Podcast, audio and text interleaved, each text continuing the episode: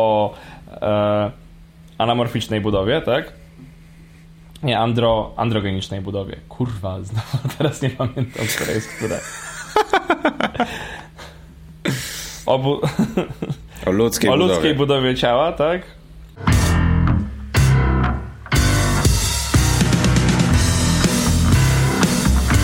Nazywam się Krzysztof Nowak i zainspirował mnie ostatni odcinek. A ja Michał Kasprzyk i u mnie on wywołał traumę. A to jest do początku. Czyli podcast o tym, jak różne rzeczy się zaczęły. Dzisiaj opowiemy wam o pornografii, ale Michał jeszcze o tym nie wie. Witaj Michale.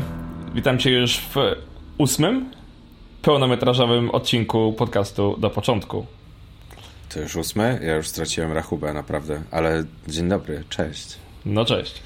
W zasadzie już jak rozmawialiśmy ostatnio, mówiłem o tym, że ten temat prawdopodobnie będzie się lepiej klikał, ale to nie dlatego go wybrałem. Wybrałem go dlatego, bo stwierdziłem, że a, dlaczego nie? Skoro już polecieliśmy swoim tematem dotyczącym morderstwa, to odpowiedni temat dla mnie będzie Świat medyczny?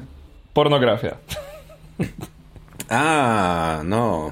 Nie będziemy owijać bawełnę, bo pornografia jest absolutnym przeciwieństwem owijania czegokolwiek w bawełnę. Tak, wręcz, wręcz jest to od, odwijanie z bawełny. E, więc odwiję, odwiniemy z bawełny historię pornografii, zaczynając od. No właśnie, zaczynając od kiedy, jak myślisz? A przepraszam, czy w tym odcinku będzie gość? Chciałbym, ale, ale nie miałem wystarczająco dużo czasu, żeby zadzwonić do pani Teresy Orlowskiej albo innych polskich gwiazd przemysłu porno. Wracając do mojego e, pierwszego pytania, jak myślisz w zasadzie, jakie mamy najstarsze źródła, do których udało mi się dokopać? A to na bank dawno temu. Wydaje mi się, że przynajmniej starożytny Rzym, być może nawet i coś na. Coś można zobaczyć w egipskich hieroglifach. Ale tak, No, no, myślę, że dawno. Tak, tak. Zgadza się. No oczywiście, mm, jeśli idąc, idąc tą definicją, to najdalej będą Pompeje, do których zaraz przejdę. Natomiast, jeśli mielibyśmy znaleźć pierwszym. E, jeśli, mieli, jeśli mielibyśmy znaleźć pierwszy artefakt znaleziony w historii, który w jakikolwiek sposób reprezentuje, e, powiedzmy, w tym przypadku jest to postać kobieca, jest to Wenus z Willendorfu. Ta figurka była związana w jakiś sposób z kultem płodności, ale pe pewne źródła twierdzą, że miała też, że tak powiem, inne zastosowania e, pośród panów, jeśli wiesz, co mam na myśli. Miała pobudzać wyobraźnię. Najwyraźniej. Wydaje mi się, że to, to, to może być jeden z pierwszych świadków masturbacji, który zachował się do dnia dzisiejszego. Może tak tu ujmę. Świadków. Albo i obiektów, albo i obiektów. Um, ciężko Okej. powiedzieć tak naprawdę. Natomiast, y, bo to są powiedzmy spekulacje, tak? Mhm, no rozumiem, rozumiem. Cię- Ciężko jest znaleźć e, wiarygodne źródło. E, Pierwsze większe znaleziska archeologiczne właśnie w Pompejach odbyły się dopiero w XIX wieku i dopiero wtedy udało się odkopać i znaleźć mnóstwo, mnóstwo e, tego dziedzictwa kulturowego. I, e, i także nie, i nie tylko bardzo e, pobudzających wyobraźnię obrazów, e, ale też posągów. Bo na przykład znalazły się tam takie rzeczy, które dla XIX-wiecznego Europejczyka były bardzo niepokojące. Tak, i jedną z tych pierwszych rzeczy jest posąg, fauna i kozy e, uprawiających ze sobą seks, więc mamy fauna, który jest też baśniowym stworzeniem, ale jednak o ludzkiej budowie ciała, tak? I kozy, która, z którą odbywa stosunek, więc wygląda to dość Która ma zwierzęce ciało. no, ma zwierzęce ciało, ma ciało kozy. Wszystkie elementy, yy, wliczając w to jakby genitalia oraz bardzo pełne emocji, wyrazy twarzy są no niezwykle szczegółowo odwzorowane w tym posągu. Jakbyś teraz zobaczył mój wyraz twarzy i to... No ale okej, ale okej, no nie oceniam po Pompejczyków, nie oceniam. Nie oceniajmy Pompejczyków. Natomiast właśnie jeśli chodzi o Pompejczyków, to zaraz powiem, dlaczego, dlaczego właściwie te wszystkie posągi powstały, jakie one miały wtedy znaczenie i jaką wartość, bo jakby ich analiza zrobiona przez e, XIX-wiecznych e, Anglików była dość mylna, kiedy te wszystkie znaleziska zostały odkopane. O ile było to dość fascynujące odkrycie, więc było zbyt fascynujące, żeby je zniszczyć, no to mogło też negatywnie wpłynąć na ludzi, nie tylko ze względu na zmianę postrzegania tego pięknego, antycznego świata, którego mamy wyidealizowany obraz, ale też nie daj Boże iglasty spowodowania refleksji nad ludzką naturą, no bo przecież jakże to, nie? No i co zrobiono?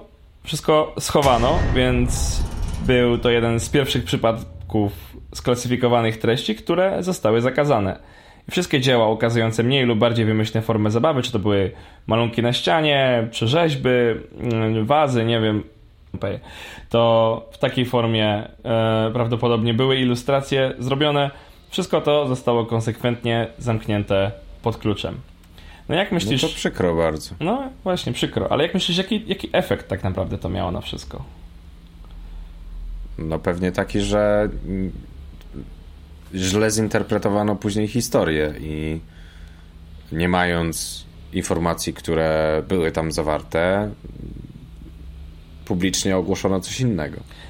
Tak, to też, jak najbardziej, ale nie, nie tylko to, bo pomyśl o tym w ten sposób, że z czasem różne tego typu dzieła właśnie były nie tylko chowane, ale nawet częściowo niszczone może oczywiście się domyślić, że niektórym wystarczyło rozdrapać tylko jeden konkretny fragment obrazu, ale właśnie problem polegał na tym, że w zasadzie wtedy tak naprawdę przez to, że coś zostawało zakazane, stawało się to jeszcze bardziej pożądanym przedmiotem. I to był taki kluczowy moment, mm. który wpłynął na to, jak ta pornografia wygląda dzisiaj. Okej. Okay. No. Czyli, że to jest takie tabu olbrzymie, to jest y, wina lub zasługa właśnie tego, tej, tego zdarzenia w czasie?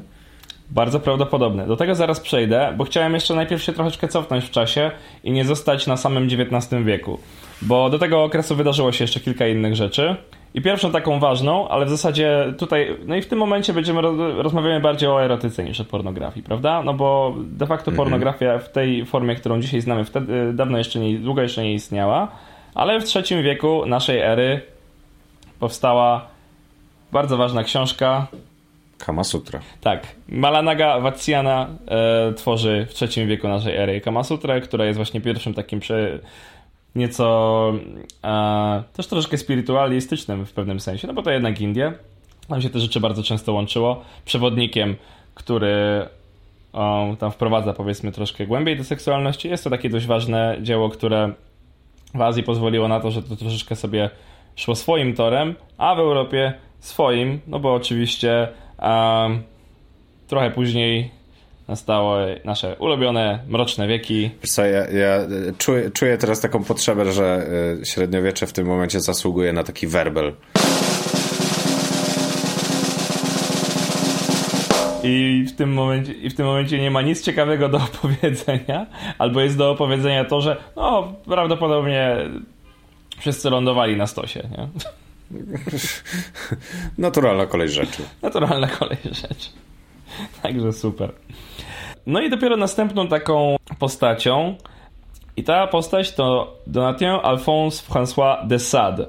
Okej, okay. bo Marquis de Sade y, jest taką postacią dość, dość kultową, ale w bardzo specyficznych kręgach. On już jako dwudziestoparolatek został uwięziony za skrajną rozpustę. Uwięziony.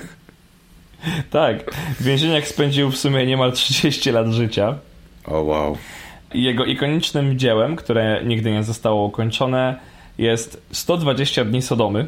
Okej, okay, to coś kojarzę. To coś możesz kojarzyć, tak, bo do dziś jest znane jako katalog e, kilkuset najróżniejszych perwersji seksualnych. Okej, okay, to tego już, tego już nie wiedziałem, ale tytuł mi się obił gdzieś o uszy. Mógł ci się obić o uszy, ponieważ ta książka została publikowana w 1904 roku i później Pier Paolo Pasolini, dość kontrowersyjny reżyser, postanowił powiększyć dorobek Markiza de Sada o film na podstawie tej książki. O Jezu. Okay. I wersja reżyserska tego filmu oczywiście została ocenzurowana. Dzisiaj można to zostać gdzieś w głębokich otchłaniach internetu. Tego filmu akurat nie widziałem, bo z jednej strony czuję, że powinienem jako, wszystko, jako to takie bardzo ciężkie i bardzo niepokojące dzieło, ale właśnie biorąc pod uwagę, że do dzisiaj trzyma sławę jednego z najbardziej odstręczających filmów w historii kina, gdzieś tam zaraz obok serbskiego filmu, to jakoś mi się nie pali, żeby to obejrzeć. Nie? No, ja też nie czuję się zachęcony. No. E, I oczywiście to Marquis de Sade, ze względu na jego nazwisko, powstała też definicja konkretnego rodzaju perwersji seksualnej, czyli sadyzmu. No, ale on nie był jedyną taką osobą w tej historii, ponieważ pojawił się w niej też urodzony w Lwowie Leopold von Sacher-Masoch, tu już okay. możesz się trochę więcej domyślić. E, tak, tak. Autor noweli, autor noweli Wenus w futrze. On tam działał w latach 60. XIX wieku i on opisał eksperyment będący efektem układu, który zawarł z, zgodnie z którego umową e, przez pół roku miał być jej niewolnikiem. I tutaj główny bohater i alter ego pisarza prosi swoją kochankę, aby traktowała go jako niewolnika na coraz bardziej nieludzkie sposoby. No i resztę się tutaj możesz domyślić. No i oczywiście to była tylko część dużego dorobku pana Masocha, to do dzisiaj jest to jednak jedyna książka znana na całym świecie, która została przez niego napisana. No i oczywiście autora zaczęło to kojarzyć z typowymi skłonnościami. Fu, autora zaczęto oczywiście kojarzyć z nietypowymi skłonnościami i od jego nazwiska utworzono termizm masochizm. Mm -hmm. I teraz, e, skoro już przy tym jesteśmy, on pochodził z Lwowa. Czy to byłeś w Lwowie kiedyś? Tak, byłem raz. Byłeś w Lwowie. Jest tam taka dedykowana mu knajpa, która uchodzi za klasyk pośród miejskich atrakcji. Nie wiem, czy kojarzysz. Jest właśnie taka dość popularna knajpa o motywie przewodnim związanym z masochizmem. Nie kojarzę. Nie, nie kojarzysz. A widzisz, bo to jest bardzo intrygujące miejsce. Tam na przykład obsługa możecie wychłostać po tyłku, jeśli poprosisz. O proszę. nie, nie, nie byłem w tym miejscu akurat. No, także ten pan zostawił tam powiedzmy, że swoją spuściznę pewnego rodzaju. No to w europejskiej literaturze e, tego było coraz więcej i więcej. Powiedzmy, że tych noweli erotycznych tam się przewijało co, troszeczkę, aż do 1846 roku. Ludziom się chciało troszeczkę mniej czytać wtedy, bo już mogli pooglądać sprośne obrazki w formie dagerotypu. Czyli pierwszych fotografii, które były wykonywane na metalowych płytkach. -hmm. Jesteśmy już w tych czasach wiktoriańskich, kiedy doszło do tego odkopania Pompejów. I w 1857 roku w English Medical Dictionary dopiero po raz pierwszy faktycznie pojawia się nazwa, która definiuje e, zjawisko, które znamy dzisiaj. E, pornografos z, gre, z greckiego porne nierządnica i grafos piszący, czyli piszący o nierządnicach. Przez jakby odkrycie obrazów na ścianach i rzeźb ze starożytnego Rzymu czy Grecji, które w XIX wieku uważano za jakieś tam świństewka, które ludzie kryli w swoich domach, to tak naprawdę były czymś zupełnie innym, bo jak pokazały badania w starożytności, było to coś całkiem codziennego. Ludzie podchodzili do swojego ciała dużo, dużo bardziej swobodnie. Um, obrazy uprawiających seks na wszystkie sposoby ludzi były taką sobie, o, po prostu ozdobą w salonie, nie? Jak ktoś by powiedział, że hej, e, nie podoba mi się ten, ten obraz, który tutaj wisi nad twoim stołem, tak, o, a co, dlaczego? To jest brzydko namalowany, czy o co chodzi? Nie? mniej, więcej, mniej więcej tak by wyglądała rozmowa. To nie jest to, że kogoś by to w jakikolwiek sposób gorszyło. Mm. Bo warto tutaj przypomnieć, że wiktoriańska Anglia miała do siebie to, że panowało tam wręcz przesadne dbanie o prywatność. Nawet takie rzeczy jak czytanie książek się robiło prywatnie. Czytanie książek. No to były bardzo skryte czasy, nie? Że w zasadzie wie, wiele rzeczy, które się działy w twoim domu, to nie rozmawiało się o nich za często. Czyli ludzie nie? nie wychodzili sobie do Starbucksa, żeby poczytać książkę. No najwyraźniej nie. Kurde, ale przerąbane czasy. Starbucks od starożytnej Grecji miał wtedy trochę gorszy okres. Mhm. No, widzisz. No. Trzeba jakiś origin story chyba zrobić Starbucksa w takim razie. No najwyraźniej. Może się w końcu dowiemy, dlaczego w Starbucksie duży kubek nazywa się venti, skoro to słowo nie istnieje w żadnym e, łacińskim języku. Ale brzmi włosko. Brzmi.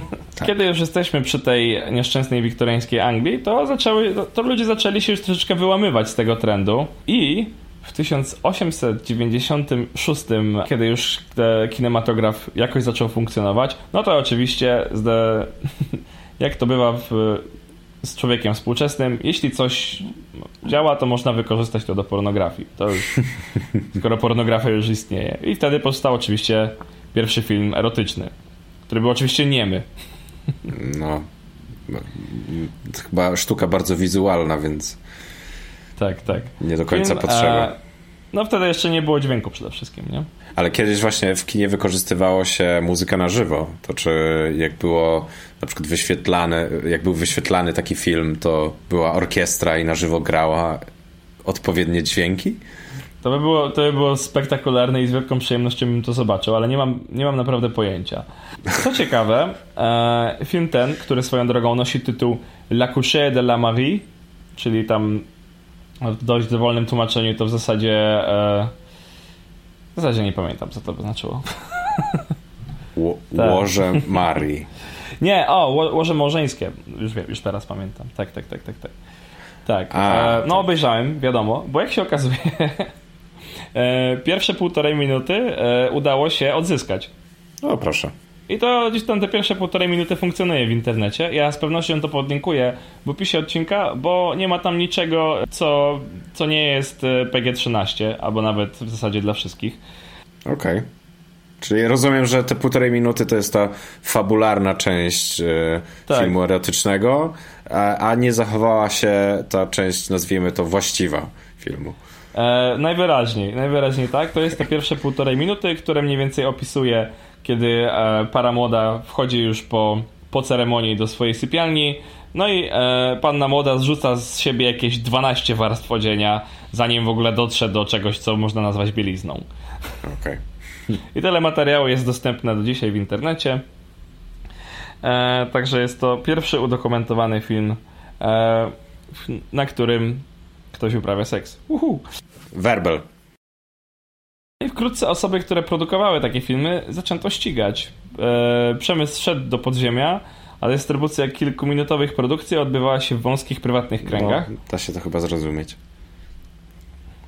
No, ale oczywiście e, rozwój, e, rozwój techniki po, na przełomie właśnie XIX i XX wieku e, okazał i tak się czasem takiego pierwszego pornograficznego boomu. No i oczywiście zmieniło się dopiero później podczas e, rewolucji seksualnej, ale tam już to już były dzieła właśnie tam Witkacego, Nabokowa. Dopiero w 1969 roku pornografia została w jakimś miejscu zalegalizowana. No i tym miejscem pewnie były Stany Zjednoczone. Holandia. Nie, e, to była Dania. To była Dania, co swoją drogą doprowadziło do olbrzymiego rozwoju przemysłu porno w tym kraju okay. wtedy. I najwyraźniej bardzo wtedy pozytywnie wpłynęło na gospodarkę.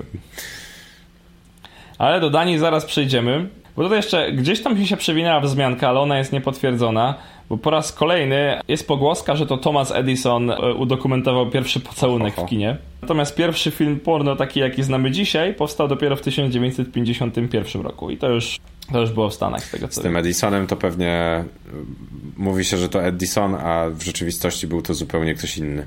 Na 100%. Tak to zwykle, nie? E, bywa z Edisonem. No to jest, wiesz, to jest standard i, i, wydaje mi się, że Edison też będzie musiał mieć jakiś swój niegiel u nas w podcaście. Chyba tak, chyba tak.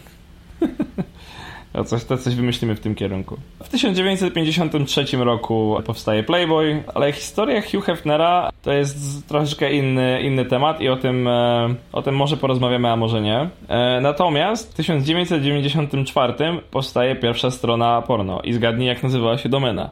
Porn.com? Blisko. E, sex.com. Sex.com. Sex.com okay. i do dzisiaj, jak nie trudno się domyślić, jest jedną z najdroższych domen w historii. Dotarłeś do jakichś kwot? E, wiesz co? Dotarłem i powiem ci więcej, bo sama historia tej domeny jest niezwykle ciekawa i ja bardzo zachęcam, żeby jej posłuchać. Ja się nie będę na niej skupiał z racji tego, że ona by została e, już zrobiona w innym podcaście, w dwóch, dwóch odcinkach podcastu Startup e, autorstwa Gimlet Media.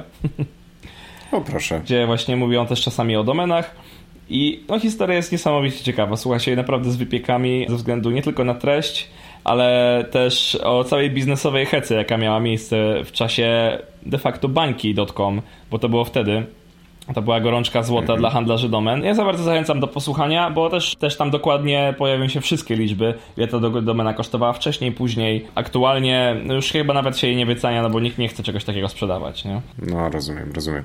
Ja bardzo chętnie posłucham tego podcastu, a y, podlinkujemy, myślę, w hmm? notatkach. Jak najbardziej. Jest jeszcze jedną ciekawostkę mam, zanim przejdziemy do przerwy i opowiem ci, po której opowiem ci jedną naprawdę mega ciekawą historię. Bo w 1996 roku, biorąc pod uwagę właśnie ten cały dotkomowy boom i rzeczy, które zaczęły się dziać ze względu na jakieś tam bezpieczeństwo, powstała ustawa w Stanach, która zakazała pornografii w internecie. Okej. Okay. Przez trochę czasu w internecie pornografia była nielegalna, Trwało to rok, niecały. Ludzie się zbuntowali?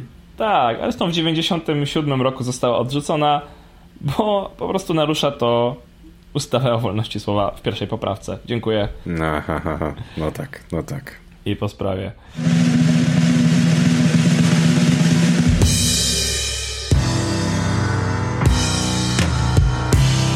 W podcastach, jak w życiu, nie wszystko jest na poważnie.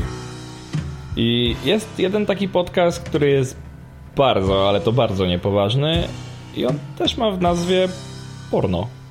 My Dad Wrote a Porno, bo tak się nazywa. To grupa trzech przyjaciół, którzy czytają i komentują powieść erotyczną napisaną przez ojca jednego z nich. Śmiechu jest mnóstwo, bo tenże ojciec, używający notabene pseudonimu Rocky Flintstone, talentu ma tyle, ile głębiej można doszukiwać się w przeciętnym scenariuszu filmu porno. Zapraszamy do słuchania każdego dorosłego, który chce się pośmiać. A odważnych lub zdesperowanych do przeczytania książki Belinda Blinked samemu jest na Amazonie.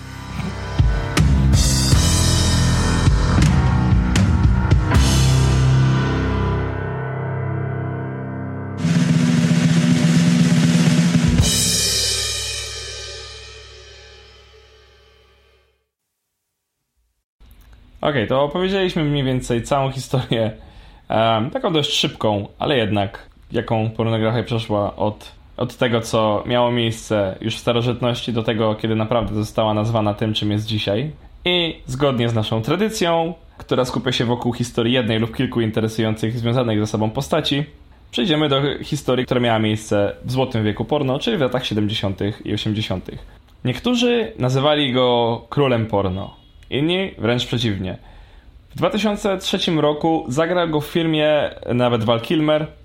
Był to była bardzo popularną postacią, nawiązywali też do niego w filmach takich jak Boogie Nights. A był to... Ja nie mam pojęcia. John Holmes. John Holmes? Nie wiem, czy słysz... John Holmes, tak jak Sherlock A, John Holmes. Holmes. John Holmes tak. E, nie chciałem brać e, na warsztat ani Hugh Hefnera, ani Larry'ego Flenta, bo było już o nich jakoś już tyle charakterystycznych materiałów, że ciężko dowiedzieć się o nich czegoś nowego. Mhm. Więc John Holmes. Dlaczego John Holmes? John Holmes był postacią, która była bardzo kontrowersyjna. Był swojego czasu ogromną gwiazdą e, przemysłu porno. Jego kariera zaczęła się przez trochę pewnego rodzaju amerykański okay. sen. Czyli jednak jest prawdziwy. Wszystko zaczęło się od e, tego, kiedy w 1964 roku John Holmes wyjechał do Los Angeles. Pracował tam dorywczo jako taksówkarz, kierowca limuzyny, kierowca karetek, operator wózków widłowych. Na razie brzmi to jak taki typowy polski sen za granicą. Mm-hmm. Ale, ale, w pewnym momencie jego praca e, doprowadziła do odmy opłucnowej. U. No I kiedy tam odzyskiwał sobie zdrowie, zdarzało mu się bywać e, w klubach. Konkretnie pewnego, pewnego wieczoru, kiedy był w klubie Gardena, gdzie grał w karty, został zastrzeżony w toalecie przez fotografa, ponieważ fotograf dostrzegł jego ogromny rozmiar penisa i zachęcił do kariery w przemyśle pornograficznym.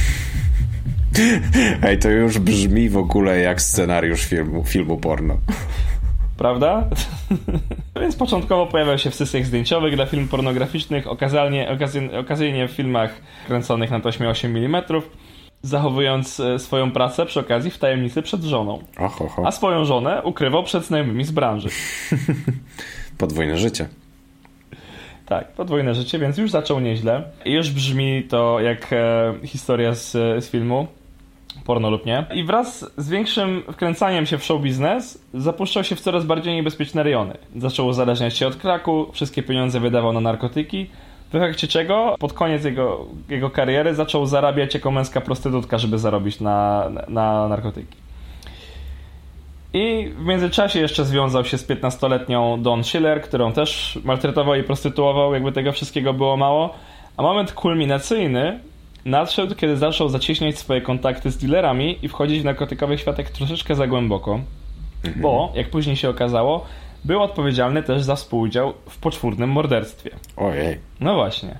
I absurdu sprawie dodaje fakt, że z całym jego CV, które ci opowiedziałem do tej pory, sam jeszcze do tego był informatorem policji i donosił na kolegów z branży w czasach, gdy, gdy produkcja i dystrybucja filmów dla dorosłych były nielegalne. nie ogarniam gościa. W sensie murarz tynkarz akrobata, po prostu wszystko robił, widzę. Ej, ale naprawdę był prawdziwą postacią, a nie był postacią wymyśloną przez nie, scenarzystów jakiegoś filmu albo pisarza jakiegoś? Mogłoby tak być, ale jednak, jednak okazuje się, że nie. Okazuje się, że ten człowiek naprawdę istniał. I faktycznie brzmi jak koleś, który próbuje złapać wszystkie srogi za ogon, a przy okazji jest człowiekiem o bardzo wątpliwej moralności. Mhm, dokładnie. Ale John Holmes był zamieszany w sprawę, która miała miejsce na Wonderland Avenue. To, była, to było jedno z najbardziej brutalnych morderstw, które się w ogóle wydarzyło w tamtych czasach. A przypominam, że Charles Manson mniej więcej wtedy grasował. Okej, okay, to dużo mówi. I co się wydarzyło? 1 lipca 1981 roku w Los Angeles ze skromnego domu, który stoi przy. prawdopodobnie dalej tam jest, przy 8763 Wonderland Avenue, wydał się szereg no, dość niepokojących dźwięków. Było słychać krzyki, stęknięcia, odgłosy bólu.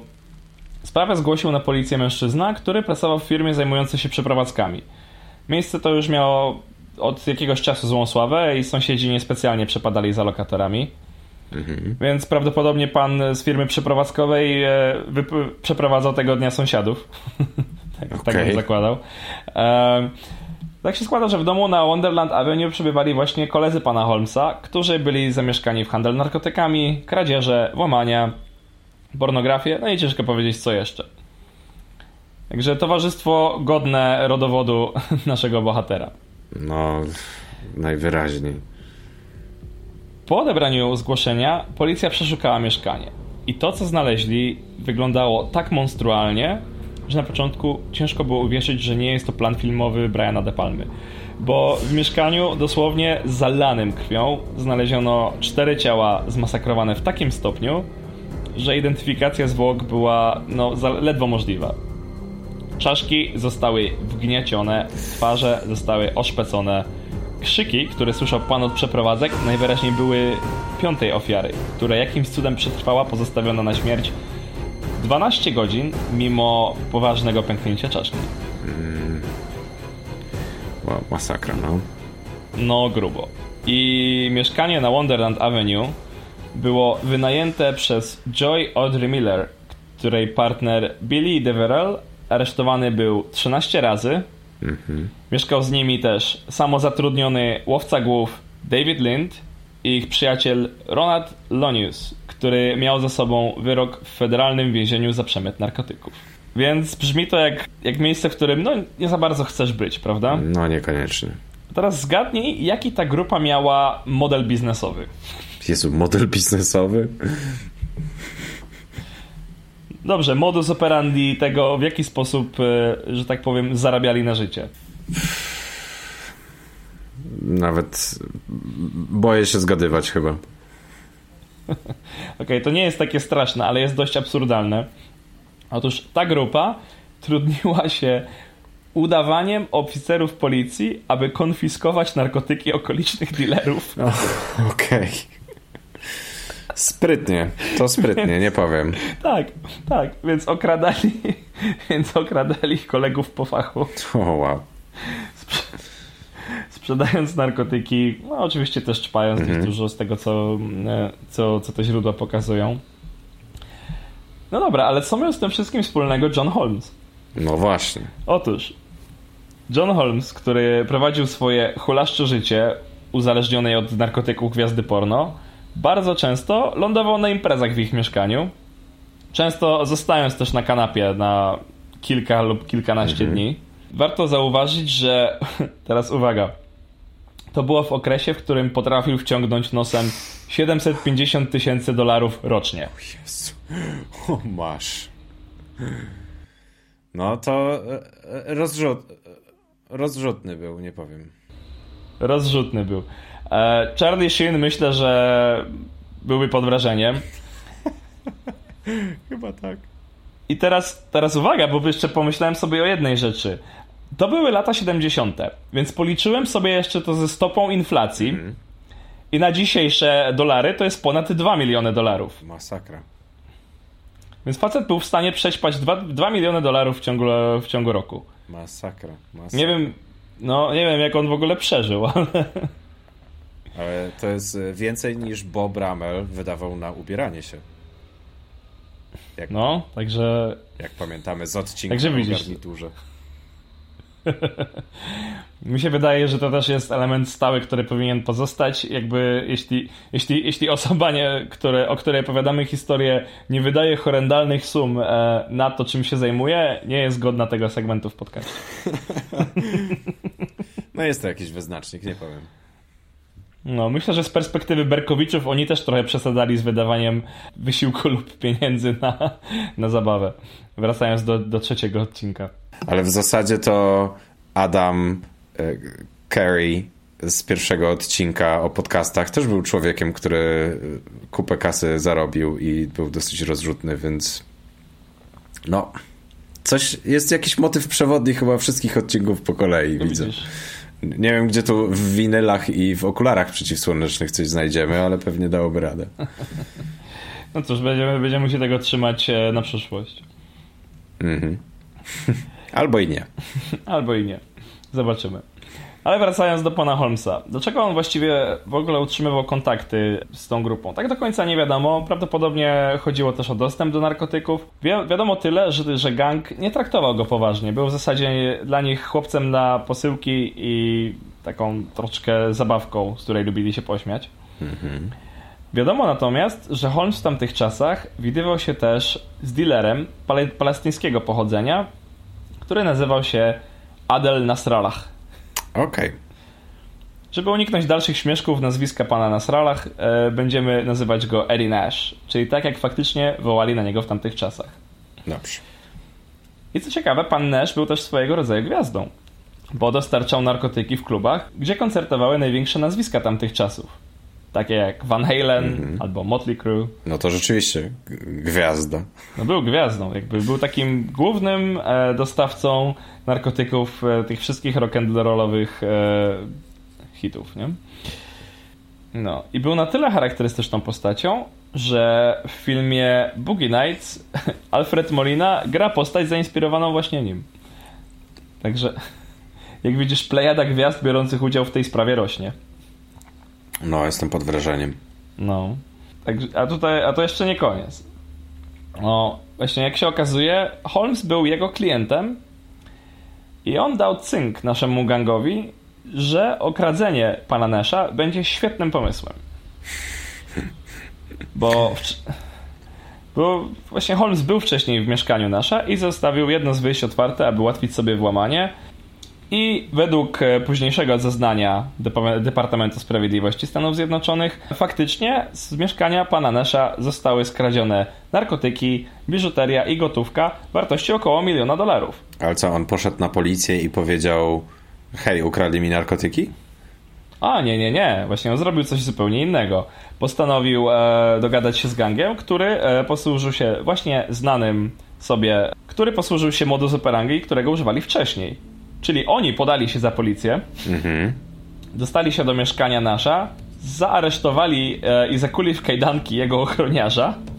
Okej. Okay. W ogóle potem e, oczywiście okazało się, że ktoś z nich był takim amatorem, że jeszcze przez przypadek wystrzelił z pistoletu. Więc nasz się obudził, wystraszył się, poddał się i, i oddał rabusiom wszystko, bo potem już e, jakby wyszło, że nie są policjantami. Ochroniarz był skuty, więc niewiele mógł zrobić. Mhm. No, zrobił się z tego oczywiście straszny rozgardiasz i to brzmi też jak jakaś kiepska komedia kryminalna. Ofiara szybko dowiedziała się, kto był odpowiedzialny za kradzież, bo Holmes był na tyle lekkomyślny, żeby nosić biżuterię, którą skradziono z mieszkania. Idiota. I ktoś, ktoś widział go gdzieś na ulicy. Niewiele później ekipa nasza pojawiła się w domu na Wonderland Avenue, e, uzbrojona w stalowe rury i reszty zdarzeń możesz się domyślać. No tak, tak. I tak jak wspominałem, było to jedno z najbardziej brutalnych morderstw w historii Los Angeles, biorąc pod uwagę, że no, nasz był bardzo żądny zemsty i też chciał chyba pokazać, pokazać, że nie można z nim zadzierać, że tak powiem. Dlaczego Holmes został w jednym kawałku i dlaczego był odpowiedzialny za współudział? Udało mu się w jakiś sposób przekonać nasza, że nie miał z tym nic wspólnego, w jaki sposób wyłgał się Naszowi, że to, że on nie był za to odpowiedzialny, ale nasz prawdopodobnie wiedział, że on po prostu go sprzedał, więc z jakiegoś powodu darował mu życie, nie wiem jakiego. I najwyraźniej przetrzymał go w mieszkaniu na Wonderland Avenue w trakcie dokonywania swojej zemsty, bo znaleziono krwawe odciski palców Holmesa, ale nasz nie wymierzył na nim wyroku, więc prawdopodobnie chciał, żeby zobaczył efekt swojego, swoich świetnych pomysłów. No, pewnie nauczył się na swoich błędach. No, Holmes może i nauczył się na swoich błędach. Nie wiadomo, bo nasz został niedługo później aresztowany. Holmes e, dalej był podejrzany, ale chyba sprawa nie, do, nie, nie dobiegła końca. Natomiast e, zakończył swoją, e, swoje życie i swoją karierę nie, niewiele lat później. W 1988 roku zmarł na AIDS. A. Więc każdemu jego własny dowcip, jak mówi ta historia. tak właśnie skończyła się historia pana Holmesa, ale uważam, że cała sprawa na Wonderland Avenue i całe, w ogóle cały żywot tego człowieka były warte tego, żeby o nich opowiedzieć, bo nie słyszałem o nim wcześniej, dopóki robiłem, dopóki nie robiłem researchu do tego podcastu, no a okazało się, że sprawa jest dość groteskowa, że tak no, powiem. Ta historia jest tak szalona, że ciężko jest w nią uwierzyć, więc e, cieszę się, że w sumie mi ją opowiedziałeś, bo mm, no masakra po prostu jakaś jest. Jak to się mogło w ogóle wydarzyć i jak taka postać w ogóle mogła istnieć, to jest e, niesamowite. No, przyznam, że się trochę wahałem, nie? bo zastanawiałem się, czy opowiedzieć o, o historii właśnie kogoś, kto miał większy wpływ na rozwój przemysłu pornograficznego jednak, ale wydawało mi się, że, e, że historia Holmesa jest na tyle wyjątkowa i, tak, i, i na tyle nieznana, że lepiej zostać przy niej. No, myślę, że słusznie. No, historię Hefnera czy innych jeszcze można kiedyś poruszyć. To w innym jakimś odcinku może. Zresztą wszyscy, wszyscy ich znają. Dlatego o tym, dlaczego na przykład Larry Flint jest przykuty do złotego wózka inwalidzkiego też możemy kiedyś opowiedzieć. Zaintrygowałeś mnie, bo ja nie wiem. To w takim razie myślę, że to jest dobry moment, żeby zakończyć nasz podcast na dzisiaj. No to w takim razie kończmy. Dziękuję Ci bardzo. Dziękuję Ci bardzo, Michale, i do usłyszenia już za tydzień. Do usłyszenia. Ten odcinek został zedytowany przeze mnie, Krzysztofa Nowaka, i wyprodukowany przeze mnie i Michała Kasprzyka. Muzyka została stworzona przez projekt Sheila. Możesz zasubskrybować nasz podcast na iTunes, Spotify lub gdziekolwiek słuchasz podcastów. A jak podoba Ci się nasz podcast, to daj nam proszę 5 gwiazdek w iTunes. W ten sposób pomożesz nam w jego promocji. Wszystkie szery w social mediach również są bardzo, bardzo mile widziane. Dokładnie. Do usłyszenia za tydzień.